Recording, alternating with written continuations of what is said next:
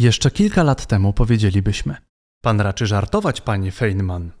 A dziś, właśnie w tym podcaście, rozmawiamy, jak w technologii wyszliśmy poza zera i jedynki, bo musimy, kurde, używać komputera kwantowego. Escola Mobile. Biznes masz w kieszeni. Przygotujmy się na rewolucję, czyli ogromny przeskok, który pozwoli uzyskać przewagę kwantową. Nie chodzi o wykopanie wszystkich bitcoinów w kilka chwil. Quantum zastosujemy w branży automoto, przemyśle, analizie danych, fintechu czy logistyce. Współpraca póki co jest w projektach klasy Enterprise, ale to tylko na chwilę, bo już teraz można korzystać z kwantowej mocy. W Poznaniu mamy Centrum Innowacji Kwantowych, które współpracuje bezpośrednio z IBM i umożliwia pracę nad kwantowymi problemami.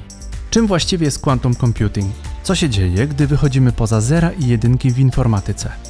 Nasz gość wyjaśnia fenomeny kwantowe na monetach, kubkach, lodówkach oraz kotach. Tych w pudełku. Jeśli chcesz stworzyć aplikację mobilną lub webową, zajrzyj na naszą stronę escola.pl. W prawym górnym rogu kliknij wyceń projekt i daj nam znać, jak możemy Ci pomóc. Dzień dobry, dzień dobry. Krzysztof Wojewodzic, Escola Mobile Live. Słuchajcie, dzisiaj będziemy mieli e, rzecz równie tajemniczą, e, co rozwiązanie Enigmy. Nie, nie będziemy rozmawiać o chat GPT, będziemy rozmawiać o komputerach kwantowych, a moim gościem będzie dzisiaj Piotr Biskupski. Cześć Piotrze. Cześć, witam serdecznie, witam wszystkich. Z firmy IBM, dla niektórych może znana, dla niektórych nie, a dla tych, których, którzy są, siedzą w IT jak ja, to mogą kojarzyć, ok, komputery były kiedyś e, IBM-owe, teraz to zostało sprzedane do Lenovo. Co właściwie robi Piotrze IBM dzisiaj, gdzie dociera do mainstreamu, czym się zajmuje IBM w 2023 roku? W 2023 roku IBM zajmuje się y, budowaniem nowoczesnych rozwiązań technologicznych związanych ze sztuczną inteligencją, z uczeniem maszynowym, z chmurą hybrydową jak i komputerami kwantowymi, informatyką kwantową. Także ten przedział rzeczy, które robimy w ramach IBM jest bardzo szeroki, aczkolwiek rzeczywiście, tak jak powiedziałeś, tak jak zauważyłeś, on nie jest zauważalny tak na rynku e, powiedzmy konsumenckim. Także tutaj jesteśmy bardzo mocno, e, współpracujemy bardzo mocno z firmami, które są po prostu dużymi firmami i dostarczamy no, duże, duże rozwiązania. Mhm. No właśnie, to są rozwiązania przede wszystkim klasy Enterprise. I dzisiaj przed nami, Piotrze, niełatwe zadanie, bo będziemy starali się przybliżyć słuchaczom Escola Mobile, to są w większości szefowie, menedżerowie firm informatycznych, czym właściwie jest to quantum computing i do czego właściwie możemy je wykorzystać. Bo jak rozmawialiśmy, to są obszary, gdzie, gdzie naprawdę komputery kwantowe mogą być pomocne. Ale żebyśmy od tego zaczęli, to może powiedz w ogóle, czym jest komputer kwantowy, bo wiele osób słyszało, ale jak to zdefiniować? Co to właściwie jest? Komputer kwantowy jest, e, powiedziałbym, wykorzystaniem fenomenów mechaniki kwantowej, o których sobie pewnie za chwileczkę poopowiadamy, do wykonywania obliczeń. Dlaczego tak to działa? Dlaczego w ten sposób to zamieniliśmy? Dlaczego wykorzystujemy to rozwiązanie? To jest dosyć ciekawe, ponieważ cały czas nasz świat IT był zamknięty tylko i wyłącznie w dwóch liczbach, w zerze i w jedynce. I okazuje się, że niektóre obliczenia, które byliśmy w stanie wykonać, można je jak najbardziej za pomocą komputerów klasycznych wykonać, czyli proste mnożenie, odejmowanie, edycja tekstu. Są to czynności, są to operacje, które łatwo jest za pomocą tych zer jedynek wykodować. Ale jest grupa problemów, które w tym momencie jest bardzo trudno zmapować na zera i jedynki, ponieważ mają one bardzo, bardzo szeroki zakres, jeżeli chodzi o przestrzeń adresową, i dlatego tutaj wykorzystano taki koncept, yy, który wyszedł z mechaniki kwantowej, czyli takiego stanu nieokreślonego. W tym przypadku, w naszym rozwiązaniu, znaczy w naszym rozwiązaniu, w informatyce kwantowej nazywamy to kubitem, czyli jest to po prostu yy, miejsce, w którym stan może być i zerem, i jedynką w tym samym momencie. Czyli jak sobie wyobrazimy taką sytuację, że mamy, nie wiem, ileś bitów, no to mamy ileś tych stanów. W przypadku komputera kwantowego będziemy mieć tyle, tyle stanów do potęgi, której mamy kubitów. Także to jest ta przestrzeń adresowa, którą możemy wykorzystać. Ja wiem, że to jest takie trudne na początek do, do, do, do zrozumienia i powiedzmy nawet do określenia, ale chodzi o to głównie, żeby obliczyć te rzeczy, których za pomocą komputerów kwantowych w skończonym, w komputerów klasycznych, przepraszam, w skończonym czasie nie jesteśmy w stanie przeliczyć. Mhm. No, no, jak rozumiem, tak naprawdę odkrycia fizyki kwantowej to, to, to jest ponad 50 lat badań i faktycznie kwant to jest taka najmniejsza liczba energii, tak? Tak naprawdę potrzebna do zmiany jakiegoś stanu, tak? Przeskoczenia jakiś poziom elektronu czy coś takiego i i, i, i przygotowując się do naszej audycji, nie wiedziałem o tym, że jeden z moich ulubionych fizyków, Richard Feynman, mam taki bardzo zabawny pan, no, no, w sumie nawet nie wiadomo, czy to jest, czy to jest komediant, czy to jest fizyk.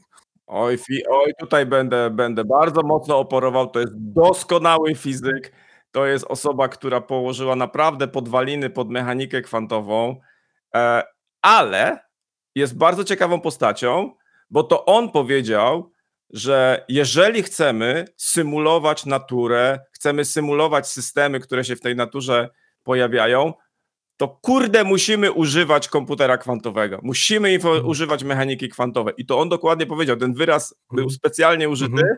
bo po polsku, nie wiem, goddammit, myślę, myślę, że można w ten sposób e, przetłumaczyć. Także tutaj będę, będę bardzo, bardzo mocno bronił Feynmana, e, bo to dzięki niemu w zasadzie dzisiaj może się odbyć ta rewolucja, o której mamy, o której mamy rozmawiać, czyli w jaki sposób ta technologia może zmienić biznes i w jaki sposób ona wpłynie na to, jak będziemy generować kolejne swoje biznesy i w jaki sposób ten biznes będzie reagował na niektóre rzeczy.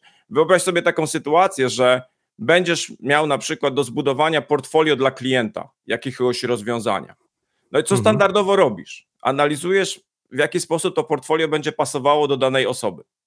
Ale to jest trudne do obliczenia na komputerze klasycznym. Co musisz zrobić? Musisz bardzo mocno to uprościć, musisz bardzo mocno zmniejszyć tą domenę problemową. A teraz wyobraź sobie, że możesz wszystkie ryzyka, które tylko i wyłącznie, albo całą ofertę, którą dla tego klienta masz, możesz tak zoptymalizować, że będziesz miał produkt po prostu w punkt trafiony dla tej osoby.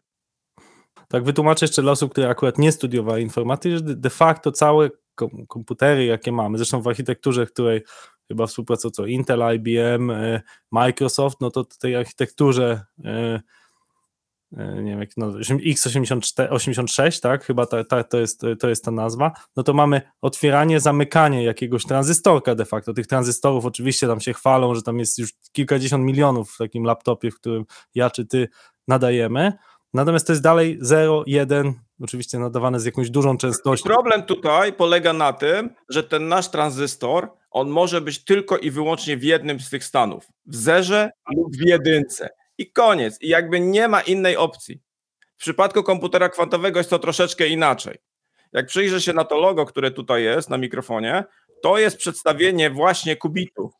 Qiskit, tak, to jest nasz pakiet, to jest nasz pakiet oprogramowania, który jest y, w darmowej domenie, każdy może sobie z niego skorzystać. Jest to doskonałe w ogóle miejsce do rozpoczęcia swojej przygody z informatyką kwantową. Tam dokładnie są opisane, jakie narzędzia użyć, w jaki sposób działa, w jaki sposób programujemy. A co najważniejsze, y, to jest kwestia tego, że mamy już tam zbudowane domeny problemowe, gdzie informatyka kwantowa będzie mogła prawdopodobnie dać jakąś, jakieś, mm, jakieś przyspieszenie. Podczas naszej rozmowy będziemy bardzo dużo używać takiego trybu przypuszczającego. Być może, prawdopodobnie, prawdopodobieństwo, ale dokładnie tak to jest. Dokładnie tak jest w komputerach kwantowych. To jest ten moment, gdzie rzeczywiście, jeżeli spojrzymy sobie na naszego, nasz kubit, pokazuję teraz tutaj kubek, na którym jest logo naszego kubitu, czyli w tym momencie to jest nasza sfera blocha, która pokazuje te dwa stany, czyli stan 0 i stan 1. E, I ten kubit jest w stanie być dokładnie w tym stanie e, przez cały, jakby przez cały czas, dopóki go nie zmierzymy i nie określimy, czy on jest zerem, czy jest jedynką. Czyli to jest mniej więcej coś takiego, jak wezmę monetę i wam pokażę, zobaczcie, mam monetę, ja jestem z Poznania, więc kiedyś jak byłem w Krakowie, to nie chcieli mi pożyczyć, ale, ale oddaję. E, I teraz wyobraźcie sobie sytuację, że, nasz, że to jest moneta, czek, gdzie 50%, jeżeli będziemy sprawdzali prawdopodobieństwo tej monety, bo ją sobie położę na ręce, to jakie jest prawdopodobieństwo, jeżeli ja podrzucę tą monetę, ona spadnie mi na rękę, jest, że jest orzeł lub reszka. Mhm. No 50 na 50. 50 okay. na 50, dokładnie. I to jest dokładnie taka sama sytuacja, jak jest w kubicie, tylko w kubicie działa to w taki sposób, że wyobraź sobie, że ta moneta się non-stop obraca i ona nie spada. I ona cały czas jest w tym stanie i dopiero w momencie, gdy ją zmierzymy, wiemy w jakim ona jest stanie. To jest pierwszy, to jest pierwszy z fenomenów, który wykorzystujemy w komputerach kwantowych, czyli tak zwana superpozycja. Mhm. No właśnie, to się pojawiało wielokrotnie, jak czytałem. Superpozycja, superpozycja. Co to jest ta superpozycja? Czyli to jest ten zmierzony stan. Tak? Nie, superpozycja to jest ten moment, gdy bierzemy kubit i wrzucamy go w stan bycia pomiędzy zerem, a pomiędzy, pomiędzy zerem a jedynką. Tak? Czyli on w tym momencie, tak jak mamy nasz, na naszym kubku, tutaj mamy stan 0, tu mamy stan 1 i nasz kubit patrzy dokładnie na równik. Czyli w tym momencie on jest dokładnie w stanie i zera i jedynki, dopóki tego nie zmienimy, nie zmierzymy. Czyli to jest ten, e, to co wszyscy pamiętamy ze szkoły, gdzieś ten kod Schrödingera, którego dokładnie nie znamy, dopóki nie otworzymy pudełka, nie wiemy, co, co z nim jest. To jest. Także to jest pierwszy z fenomenów. Drugi z fenomenów, który, który wykorzystujemy w informatyce kwantowej, to jest splątanie kwantowe. I to jest jeszcze dziwniejsze zachowanie, e, które nawet e, Einstein mówił, że to jest spooky behavior, czyli to jest takie zachowanie, gdzie wyobraźcie sobie, że mamy dwie monety teraz. I teraz te dwie monety ze sobą splączemy w taki sposób, że jeżeli ja poznam wartość tej monety, którą jakby zmierzę jej prawdopodobieństwo bycia w stanie 0 lub 1, dokładnie jestem w stanie określić w tym samym momencie e, stan tej drugiej monety. To jest to splątanie. I teraz co jest ciekawe w tym splątaniu, że ono występuje na nieograniczonej odległości, łamiąc ten nasz taki koncept czasu-przestrzeni, czyli łamiąc prędkość światła. Wyobraźcie sobie, że był taki eksperyment, gdzie były dwa splątane kubity, to były dwa fotony, e, i w tym momencie, zmieniając stan jednego z fotonów, dokładnie w tym samym momencie w laboratorium oddalonym o 100 km lub ponad, zmienił się stan drugiego fotonu. I to jest to splątanie, to jest to coś, co bardzo trudno jest y, wytłumaczyć, ale dzięki temu możemy połączyć pewne domeny problemowe w ramach naszego obwodu kwantowego, tak żeby z tego całego prawdopodobieństwa wybrać to naj, najbardziej prawdopodobne dla nas i jakby ograniczyć tą domenę e, tej przestrzeni adresowej. To jest takie dosyć ciekawe, ciekawe, ciekawa rzecz. W zasadzie w każdym z obwodów, który, który obliczamy, jego się wykorzystuje. Jeszcze jedna rzecz, bo jeszcze jest trzeci fenomen, który według mnie jest jeszcze, jest jeszcze ciekawszy, to jest interferencja. Okazuje się, że kubity są gadatliwe i one między sobą gadają. I na przykład mamy taki algorytm, który jest algorytmem Groovera, który potrafi w nieustrukturyzowanej bazie danych wyznaleźć element właśnie w momencie takim, gdy one ze sobą rozmawiają pomiędzy kubity, czują, który jest, ten sta, który jest tym stanem takim, e, można powiedzieć, najbardziej prawdopodobnym. I to wykoszukiwanie oczywiście później wykorzystujemy w wielu elementach, ale pewnie o tym jeszcze porozmawiamy, bo to jest jeden z algorytmów, który jest dosyć dużą podstawą, jeżeli chodzi o e, kolejne kroki i zabezpieczenie się przed komputerami kwantowymi, no bo one oczywiście dają możliwości niesamowite, ale również też w jakiś sposób musimy się przygotować na tą, można powiedzieć, rewolucję, bo to jest w zasadzie no, zmiana, zmiana e, przejścia z klasycznego komputera do, do komputera kwantowego i wykorzystanie go w biznesie to jest ogromny przeskok i mamy nadzieję, że rzeczywiście uda się zbudować coś takiego jak przewaga. Bo nie wiem, czy słyszałeś o takim koncepcie właśnie tu przewagi kwantowej. Mhm. To może ci zadam takie pytanie. No właśnie, bo, bo, bo, bo jak się otworzy internet, czy nawet y, tego czata GPT, to tam dostaniemy odpowiedź, że właśnie one mają potężną moc obliczeniową i to, i to nie tak, że potężną, że są dwa razy mocniejsza niż najsilniejszy superkomputer, tylko to jest liczone w rzędach wielkości 100 tysięcy razy mocniejsze, tak? No bo tam faktycznie ta moc obliczeniowa, jak wspomniałeś, jest potęgowana przez ilość tych kubitów, które już z tego co rozumiem w waszych komputerach niektórych jest ich ponad 100, także... Już teraz 430 ponad, także już tutaj idziemy... Z... To, są, to są liczby niewyobrażalne. Niemniej jednak, niemniej jednak, bo tu wtedy każdy, kto mówi, że, e, że okej, okay, kryptografia jest super bezpieczna, blockchain jest super bezpieczny, to by, bo, bo jest trudne szyfrowanie, to taki superkomputer, gdyby działał tak samo zerynkowo, to by połamał te wszystkie blockchainy, by wykopał, przepraszam, wykopałby wszystkie bitcoiny w sekundę. Ale jednak tego nie robi. I to jest właśnie moje pytanie.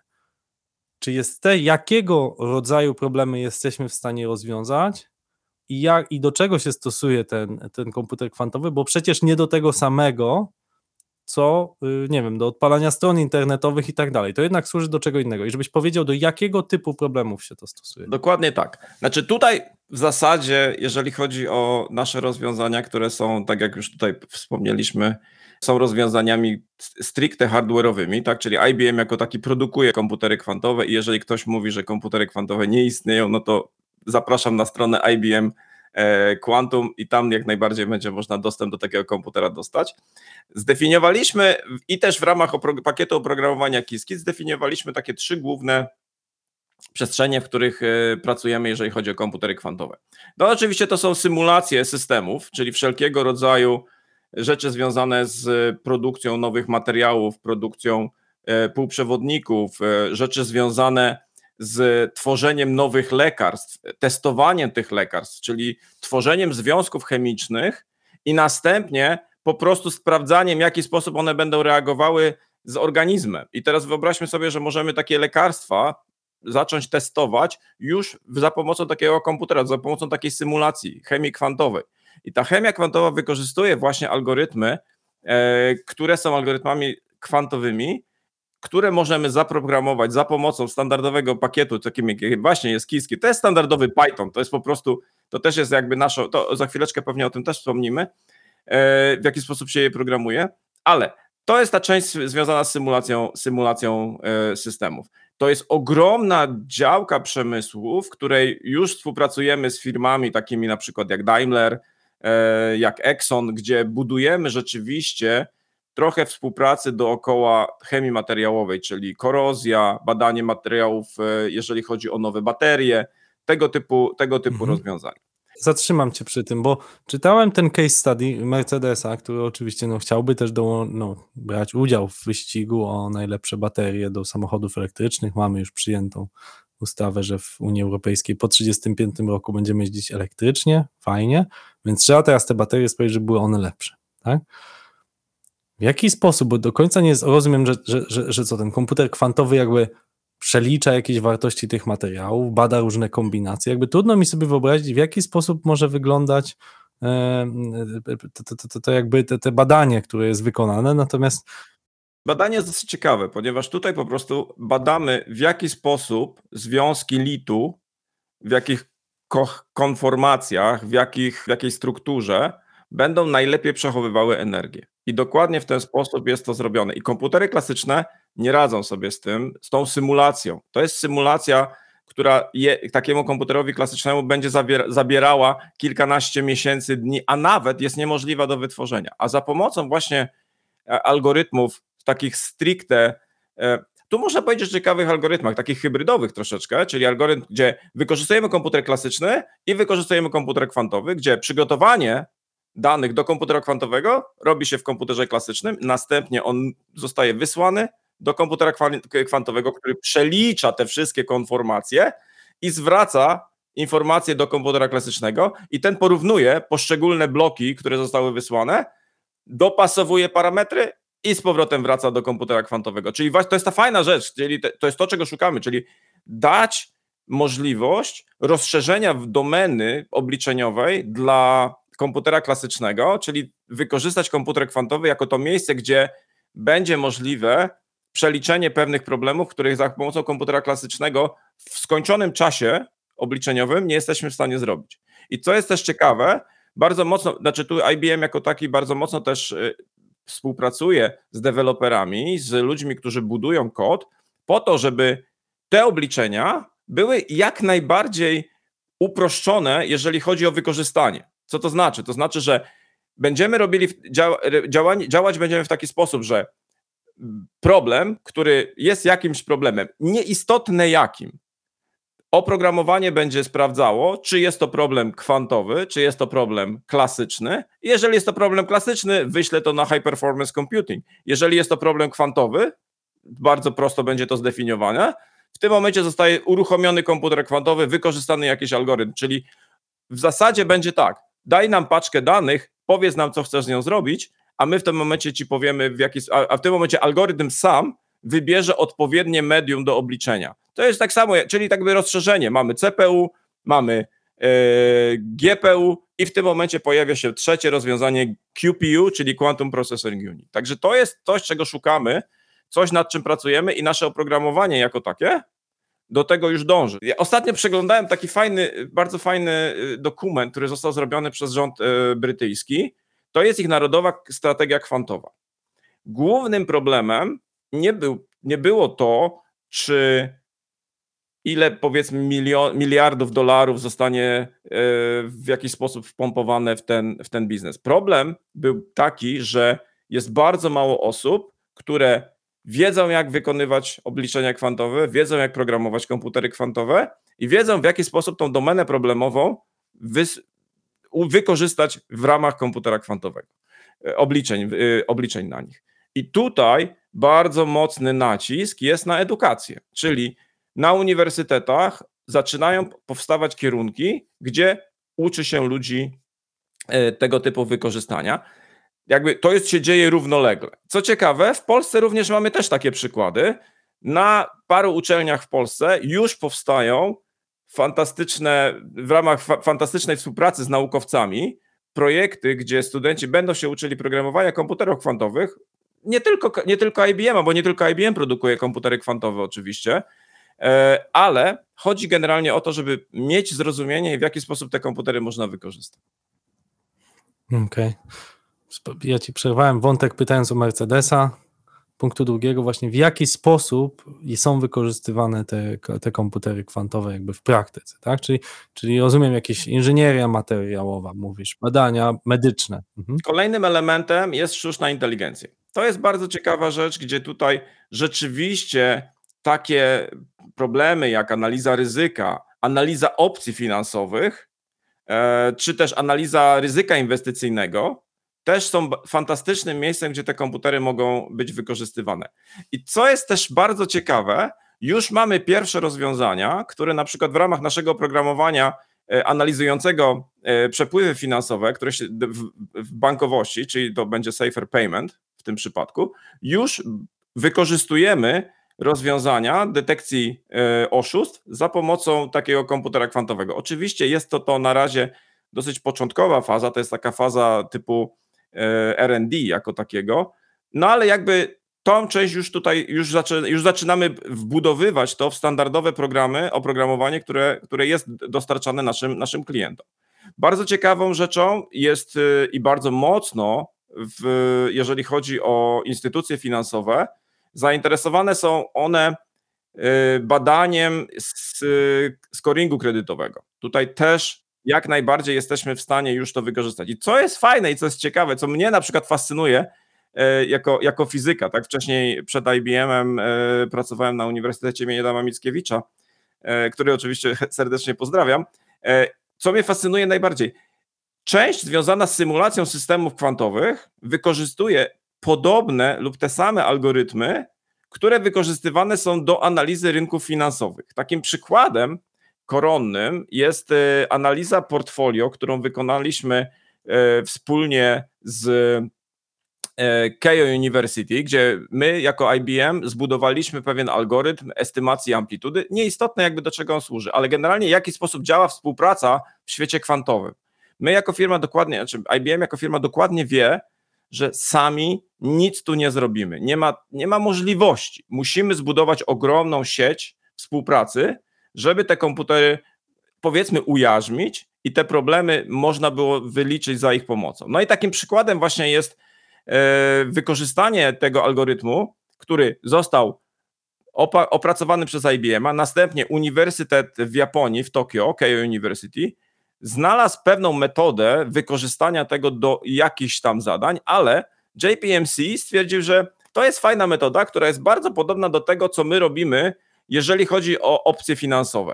Wykorzystali dokładnie ten sam algorytm i następnie z, e, opublikowali publikację, stworzyli publikację, która przelicza opcje finansowe i następnie ta część została zaimplementowana w ramach Qiskit, w ramach jednego z pakietów e, do, już związanego właśnie z, z tymi z rozwiązaniami problemów e, dookoła sztucznej inteligencji i już tutaj ten, ta część w, w pakiecie Qiskit Artificial Intelligence w tym momencie już jest dostępna dla szerokiej domeny, czyli każdy może z tego skorzystać. Wiem, że pracownicy, wiem, że, wiem, że BNP w tym roku również, w zeszłym roku, przepraszam, e, też opracowało dosyć podobny algorytm. To też była ciekawa współpraca pomiędzy fundacjami, które są bardzo aktywne na tym, na tym polu i właśnie firmy komercyjnej przy wsparciu IBM-a. Po, bardzo podobny przypadek użycia, przypadek powiedzmy wykorzystania i współpracy, jak Skejo, jak, jak omawiałem Skejo. E, jeżeli chodzi o kolejny mm, część, jakby, jakby y, wątek, w którym te komputery kwantowe według, y, według nas będą się dobrze sprawdzały, no to oczywiście jest to optymalizacja. Czyli zastąpienie metody Monte Carlo za pomocą innych metod, algorytmów już stricte kwantowych, czyli właśnie estymacji amplitudy e, przy, przykładowo. I to jest fajne, bo tutaj możemy zrobić dynamikę portfolio, optymalizację procesów planowania, co ciekawe, możemy również wykorzystać to do, tego, do, do sprawdzenia, e, w jaki sposób mamy dostarczać pewne dobra za pomocą, czyli logistyka. No tutaj po prostu rewelacja. Dynamika cieczy i tak dalej, ale zobaczcie, że optymalizacja jest wszędzie i wszędzie te, te, te, te problemy optymalizacyjne gdzieś się będą pojawiały. Mamy tutaj taki przykład, yy, który zbudowaliśmy razem z ExxonMobilem, yy, gdzie próbowaliśmy znaleźć w pewnym sensie e, najlepszą drogę dla tankowców LNG, które, które w tym momencie dostarczają gaz LNG skroplony. I za pomocą informatyki kwantowej, komputerów kwantowych, byliśmy w stanie obniżyć wartości spalanego paliwa przez te, przez te, te, te, jednostki i zoptymalizować e, ruch takiego e, ruch takich, takich tankowców. Także to jest też kolejna ciekawa rzecz, która myślę, że tutaj jest takim miejscem, gdzie ta informatyka kwantowa naprawdę się może sprawdzić. Mhm.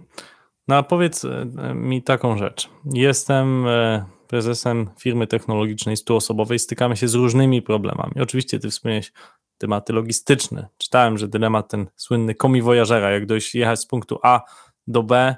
Krzysztof, sorry, że ci przerywał, ale to jest mój ulubiony temat. To jest temat, który jest kwantowy, ale nie jest kwantowy. Okej. Okay. no to, to, to powiedz. To jest dosyć ciekawy problem. Tutaj wszyscy uważają, że. Znaczy, to, to jest znowu moje zdanie. Tutaj jakby ja występuję też, mhm. też, też jakby ze, chciałem też się swoimi jakimś doświadczeniem podzielić, bo badaliśmy ten e, problem Comi Voyagera, badaliśmy ten problem od strony kwantowej właśnie za pomocą Qiskita. Oczywiście mamy zdefiniowane algorytmy, które to robią, ale okazuje się, że wykorzystując komputer klasyczny, standardowe metody obliczenia tego y, optymalizacji, wykorzystaniem sztucznej inteligencji, czyli pewnych, pewnych węzłów, które są po drodze, możemy to zrobić równie szybko, równie dokładnie, jak za pomocą komputera kwantowego. Więc jakby okay, to jest czyli jeden moment, mit obalony. Jeden mit tak, obalony. To jest, ale to, wiesz co, to jest ten moment, gdzie to co, to, co zapytałeś, w jaki sposób możesz zacząć. To jest kwestia mhm. zbudowania y, w pewnym momencie do czego chcesz użyć, czyli zdefiniowania tego pola, do którego chcesz komputer kwantowy wykorzystać. To, to, to, to, cię, to cię zapytam jeszcze, właśnie żebyśmy jakąś gamę problemów. My jesteśmy Escola, jesteśmy firmą technologiczną, głównie budujemy aplikacje mobilne i stykamy się z różnymi problemami technologicznymi. Dla jednej firmy produkującej urządzenia audiowizualne robiliśmy czujniki, które sprawdzały, gdzie po całym świecie ten ich sprzęt się, się rozwodzi rozwozi, tak? Od tankowca aż to do, dojazd do sklepu, tak? Tych palet. Dla innej firmy rozwiązujemy problemy natury, jak przewozić e, różne elementy. Dla innej firmy tematy fintechowe, czyli w jaki sposób ryzyka kredytowe obliczać, żeby ostatecznie oczywiście to pokazać w aplikacji, no ale pod spodem jest potężny backend, na który chyba z 10 osób w tym momencie pracuje. I, i, I teraz chciałbym, żebyś mi pomógł zrozumieć, jeżeli mam wejść, zainwestować w Kiskit, tak, puścić tam osoby na szkolenia, yy, zainwestować w ten temat, jakby jakiego rodzaju właśnie problemy realnie mogę rozwiązać i, i ile będzie mnie to kosztowało, tak, bo to jest to tak, jak ja myślę jako przedsiębiorca. To jest e, pytanie, na które oczywiście odpowiedź będzie bardzo kwantowa, czyli to mhm. zależy. Mhm. E, Generalnie Od rzecz biorąc, ge, generalnie od, od portfela, od zasobności portfela. Nie, żartuję. Mhm. E, generalnie rzecz biorąc, działa to w taki sposób, że tak jak powiedziałem, to jest tak nowa domena, tak nowy, nowy rynek, tak nowy, nowy problematyk, tak nowa problematyka, którą samemu nie jesteście w stanie jako firma po prostu rozwiązać. Nie, I to nie ma sensu, bo to, to tylko i wyłącznie doprowadzi do, prostego, do prostej rzeczy, do frustracji i do według mnie troszeczkę wyrzucenia y, dosyć dużych funduszy i nad tym będziecie musieli spędzić kilka lat, żeby to raz, żeby to po prostu w jakiś tam sposób umieć wykorzystać praktycznie. I tutaj y, są oferty komercyjne, akurat IBM też ma taką ofertę, która przygotowuje organizacje i firmy, nie ma znaczenia jakiej wielkości, do tego, żeby wykorzystać komputery kwantowe, ale stricte do tego, jakby stricte w modelu pracy i też w waszych przypadkach użycia, czyli waszym miejscu, którym, do którego, w którym pracujecie, tak? Czy, czy jesteście bankiem, czy jesteście firmą, która jest telekomunikacyjną. Tutaj możemy po prostu z wam pomóc, po pierwsze, określić, które problemy są kwantowe, które są problemy, które można rozwiązać za pomocą komputera kwantowego, a które spokojnie za pomocą programowania klasycznego będzie można, można rozwiązać i nie ma sensu w to wchodzić. I potem, po tej fazie e, określenia, do czego chcecie to użyć, określamy również razem z Wami, czy inwestycja w tego typu rozwiązanie ma sens finansowo, czy to jest rzeczywiście jakieś no, strzelanie z działa do pojedynczej mrówki, czy to ma sens. I to jest taki pierwszy moment, gdzie zaczynamy budować algorytmy, zaczynamy razem z waszym zespołem, dostaje, do, y, współpracujemy nad zdefiniowaniem tego. W kolejnym kroku ważną częścią jest to, żeby, żeby sprawdzić, jak wasza firma jest przygotowana do rozwiązywania nowoczesnych problemów. Tak? Czy macie zespół, który zajmuje się danymi? Czy macie zespół programistyczny, który, e, który wam buduje oprogramowanie? I tutaj wchodzi w tym momencie współpraca taka już bezpośrednia nad zbudowaniem gotowości na wykorzystanie komputera kwantowego, czyli ogromna ilość edukacji, ale też naszego doświadczenia e, ze współpracy z innymi naszymi, ze współpracy z członkami naszej sieci kwantowej. W ramach sieci kwantowej IBM jest teraz ponad 200 firm, startupów, firm, uniwersytetów, z którymi współpracujemy i dokładnie wiemy, gdzie, ten, gdzie ta adopcja, jak tą mapę adopcji można będzie, można będzie zbudować. I w ostatnim dopiero kroku jest już stworzenie prototypów, jakichś e, prób technologicznych wykorzystania tych algorytmów. I co jest najfajniejsze w tym programie, jest to, że przez cały czas macie dostęp do komputerów kwantowych klasy premium, czyli do tych największych komputerów, czyli o tym największym wolumenie obliczeniowym, no bo tutaj jakby znowuż mówiłeś o tym, które komputery są szybsze, które są wolniejsze, jak określić ich moc i tak dalej. To jest, to jest ogromny problem, ogromny no, no, nowy problem. Także na razie to odstawimy sobie trochę na bok, ale dostajecie w tym momencie dostęp do wszystkich komputerów kwantowych, które są na przykład w domenie IBM-a. Jest ich aktualnie w ramach chmury 27. Każdy ma oczywiście do nich dostęp, ale w zmniejszonej wielkości, czyli w tym momencie mamy dostęp do 27-kubitowych maszyn, nieistotne, ale Jaka jest tutaj ścieżka rozwoju? Ścieżka rozwoju jest taka, że pracujemy przez dwa lata, budujemy wasz zespół, pomagamy wam ten zespół zbudować, pomagamy określić domenę problemową i dajemy wam dostęp do tej naszej przestrzeni partnerskiej, z którą współpracujemy. I to jest tak, że nie otwieracie drzwi, które już są otwarte, ale w tym momencie zaczynacie pracować z firmą, czy też y, z firmami, czy też uniwersytetami, bo to też jest ważne, że ja, ja dlaczego, dlaczego y, troszeczkę wyszedłem z, z uczelni, to jest taki trochę mój smutny, smutny okres. E, bardzo żałuję, że, te, że z tej uczelni y, gdzieś tam odszedłem, ale bardzo się cieszę, że poszedłem po prostu do IBM, bo tu mogę połączyć te dwa światy. To jest to, czego mi zawsze brakowało, czyli połączenie światu, e, świata edukacji, świata uniwersyteckiego, świata naukowego ze światem biznesowym i ze światem technologicznym. I dokładnie IBM Quantum jako takie jest tym miejscem. Czyli to jest dokładnie to, czego szukamy. To, że chcemy we współpracy z uniwersytetami, którzy będą szkolili studentów, które będą uczyli studentów do wykorzystania tych komputerów, z firmami, z którymi mamy dostęp na całym świecie, tak jak powiedziano, no to domena jest ogromna, zbudować taki potencjał e, tutaj w Polsce. Już kilku, w kilku miejscach e, rozmawialiśmy na ten temat. Mieliśmy bardzo ciekawe przykłady i ja nie wiem, czy to będzie widać. Aha, no na podcaście nie, ale na, na wideo będzie widać. E, razem z ITTS-em, z Polską Akademią Nauk, stworzony został komiks kwantowy, który w bardzo przystępnej formie pokazuje fenomeny kwantowe, e, w jaki sposób one są wykorzystywane, a najważniejszą częścią jest część taka naukowa, gdzie mamy dokładnie opisane te fenomeny. Ja miałem przyjemność napisania e, jednego rozdziału wspólnie z, z BNP Paribas, tutaj muszę to, muszę to wrzucić, ponieważ dzięki nim to się to udało, e, dotyczący finans, kwantówki, informatyki kwantowej w finansach. I taki rozdział się tutaj też pojawił, więc to jest też fajne miejsce, z którego można zacząć, czyli nie tylko i wyłącznie publikacje naukowe, ale też właśnie stworzone przez Polską Akademię Nauk takie popularno-naukowe periodyki, gdzie można to wykorzystać, gdzie można się tego nauczyć. Mhm. Okej. Okay. Znaczy, brzmi to, brzmi to jak bardzo rozległa dziedzina.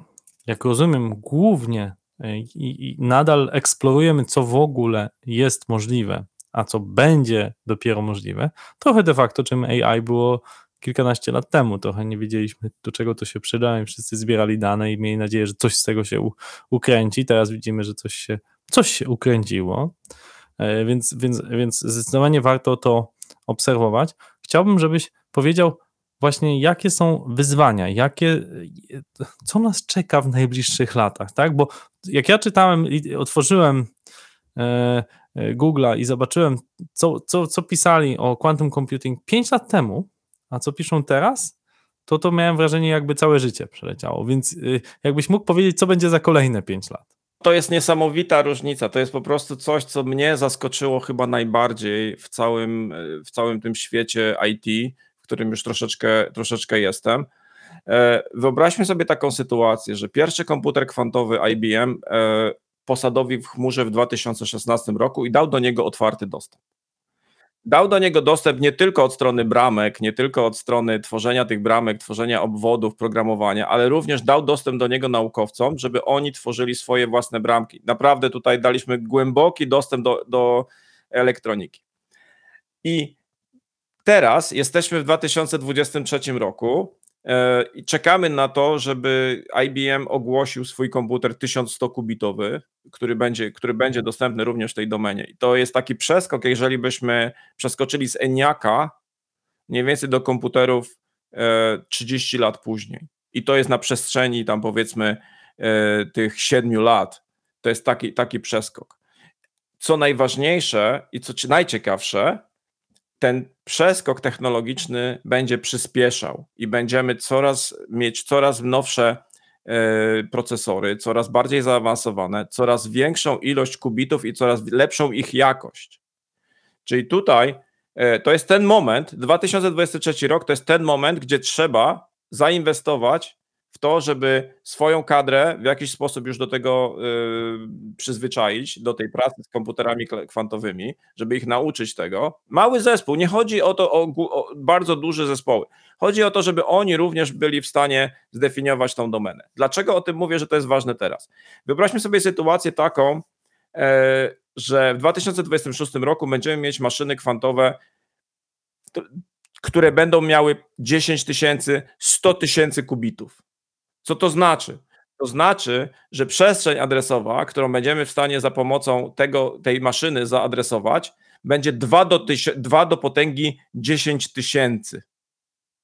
To jest niewyobrażalna liczba, to jest niewyobrażalna przestrzeń adresowa, której nie jesteśmy w stanie za pomocą żadnego komputera klasycznego e, ogarnąć. Ilość atomów e, we wszechświecie to jest bodajże 2 do, 100, 2 do 200, coś około tego. No, to, to, to jest wyobrażenie tej liczby, którą będziemy mieli tutaj dostępną, jeżeli chodzi o przestrzenie. I to jest coś, co już w tym momencie przechodzimy z fazy takich prób, błędów, rozwoju do fazy rzeczywistego wykorzystania. I ten 2026 rok według mnie może być rokiem, w którym rzeczywiście możemy, dos- będziemy mogli dostrzec naprawdę dużą zmianę, jeżeli chodzi o wykorzystanie komputerów kwantowych, a na pewno będziemy musieli przyjrzeć się temu, co powiedziałeś, czyli naszym e, algorytmom szyfrującym, które już zaczną powoli, niestety, być łamalne za pomocą, te, za pomocą tych maszyn. E, tutaj, czy to będzie algorytm symetryczny, czy też asymetryczny, nie będzie to miało znaczenia. Mamy dwa algorytmy: algorytm Shora do faktoryzacji liczb pierwszych i algorytm Groovera do wyszukiwania w, e, w, w bazach danych, za pomocą których te klucze będziemy w stanie rozwalić, będziemy w stanie rozszyfrować. Co jest ciekawe z tego, y, tutaj pojawiają się publikacje mówiące o tym, że już za pomocą 200 kubitów klucze RSA 2048 będzie można rozszyfrować. Trochę, trochę jestem tutaj sceptyczny. E, próbujemy sobie, próbujemy to w ramach naszych laboratoriów sprawdzić, czy rzeczywiście coś takiego jest możliwe, ale te publikacje się pojawiają coraz częściej.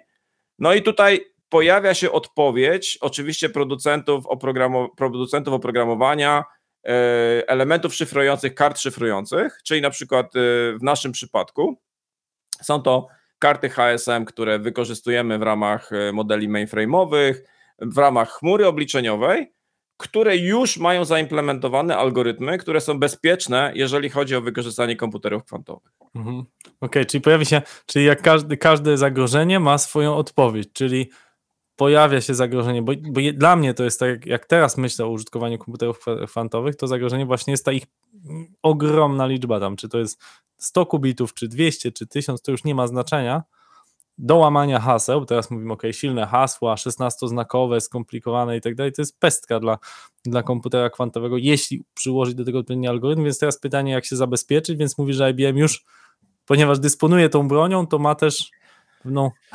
Tak, no oczywiście remedium, no, to. to. zawsze tak mhm. jest, że jeżeli mhm. coś, coś pojawia się jakieś zagrożenie, no to musi mhm. się pojawić jakieś, jakaś rzecz, która to, temu mhm. zagrożeniu będzie przeciwdziałać.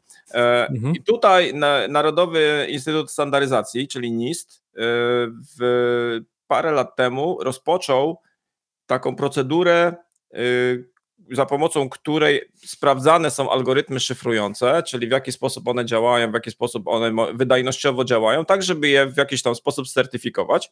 I to są algorytmy, które się nazywają algorytmy Quantum Safe. One wykorzystują zupełnie inną logikę niż, e, niż inne algorytmy, niż te algorytmy standardowe, e, które są nawet dla komputera kwantowego za trudne. Także to też jest fajna rzecz, że komputer kwantowy to nie jest jakby, będziemy mieć komputer kwantowy, rozwiążemy wszystko. Nie, nie, nie. Są, są, jest domena, której nie ogarniemy nawet za pomocą komputera kwantowego. I tutaj właśnie, i dzięki temu jesteśmy w stanie się zabezpieczyć. I tutaj pojawiają się właśnie te algorytmy. I mamy teraz końcówkę już y, tego procesu certyfikacyjnego. Zostały cztery algorytmy, z czego trzy są IBM-owe. Nie, żebym się tutaj chwalił, e, ale są to, są to ciekawe algorytmy, które, co, co najważniejsze, IBM nie czekał na, na to, żeby pojawiły się e, ta certyfikacja. Już mamy zaimplementowane je w ramach rozwiązania chmurowego i w ramach naszych kart hardware'owych szyfrujących. Także e, nie tylko, że dajemy najwyższy poziom szyfrowania, znaczy najwyższy poziom takiego sprzętowego zabezpieczenia, ale też również właśnie to, że zaczynamy już implementację tego typu rozwiązań. Implementacja jest dosyć ciekawa, ponieważ nawet jeżeli mamy swój stary, stary system szyfrujący, za pomocą, za pomocą swoich kluczy takich klasycznych, nawet jeżeli ten klucz zawiniemy kluczem, który jest Quantum Safe, już zwiększamy jego, e, jego bezpieczeństwo. Także ja tutaj, ja, jest, ja jestem osobą w IBM-ie, pracuję właśnie, jeżeli chodzi o rozwiązania bezpieczeństwa, e, rozwiązania chmurowe i rozwiązania szyfrujące, to jest moja główna domena, którą się zajmuję tutaj. Dlatego też o tym, o tym tak, tak lubię, lubię wspominać. Mhm. E, Piotrze, ja, ja też chciałem, żebyś powiedział, podkreślił, co jest możliwe już dzisiaj właśnie dla nas, bo zapytałem cię, ile to kosztuje, ty odpowiedziałeś tak, że zależy, ile masz pieniędzy, ale jak ja czytałem cenniki, to tam było typu, że wynajem komputera kwantowego to jest 12 tysięcy euro za godzinę. Natomiast ty mówisz, że yy, możemy dla celów, jeżeli zarejestrujemy się jako partner, czy w tym Kiskicie, możemy to robić całkiem za darmo, więc jak, jak, się, jak, jak przejść tą procedurę? Znaczy tak, jak to, jak to działa? Tak jak powiedziałem, jeżeli chce ktoś sprawdzić, jak to, jak, w jaki sposób rozpocząć pracę, zapraszamy na stronę y, IBM Quantum Computing, na której po prostu mamy dostęp do dwóch, mamy dostęp do, do komputerów kwantowych. Przez jakąś to... chmurę po prostu, przez jakieś tak, łącze się do nich podłączy. Znaczy, mhm. Od razu też bym chciał powiedzieć, tak, jeżeli ktoś chce, stwierdzi, że chce kupić sobie komputer kwantowy, to szczerze mówiąc, pomimo tego, że my sprzedajemy te komputery kwantowe, żeśmy w zeszłym, w zeszłym roku i w tym roku dostarczymy chyba 6 sztuk do, do różnych y, instytucji, ja bym się jeszcze wstrzymał, no bo to jest tak, że ta, ta, ta powiedzmy. Nie ta, jest to tanie, z tego czy czytałem, mówimy już o milionach dolarów. Też ale też jest kwestia technologiczna, tak? Bo kwestia Że to technologiczna. idzie do przodu tak, i na tyle szybko będą lepsze wersje, tak? Dokładnie tak, dokładnie tak. Teraz już mamy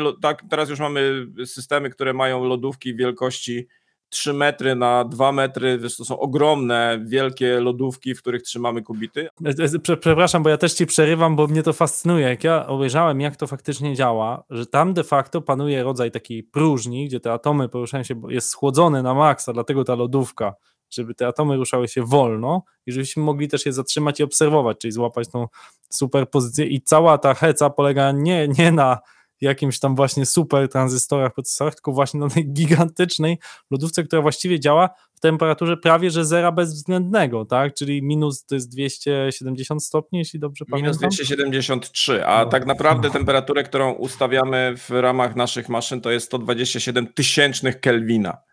To jest ta Mhm. temperatura, która, która tam Czyli właściwie działa. atomy się nie ruszają, może być, taki jest cel. Atomy się prawie że nie ruszają, plus jest próżnia. Aczkolwiek ciekawostką y, myślę jest to, że jeżeli przyjrzymy się takiemu y, chipowi kwantowemu, to on jest całkiem duży.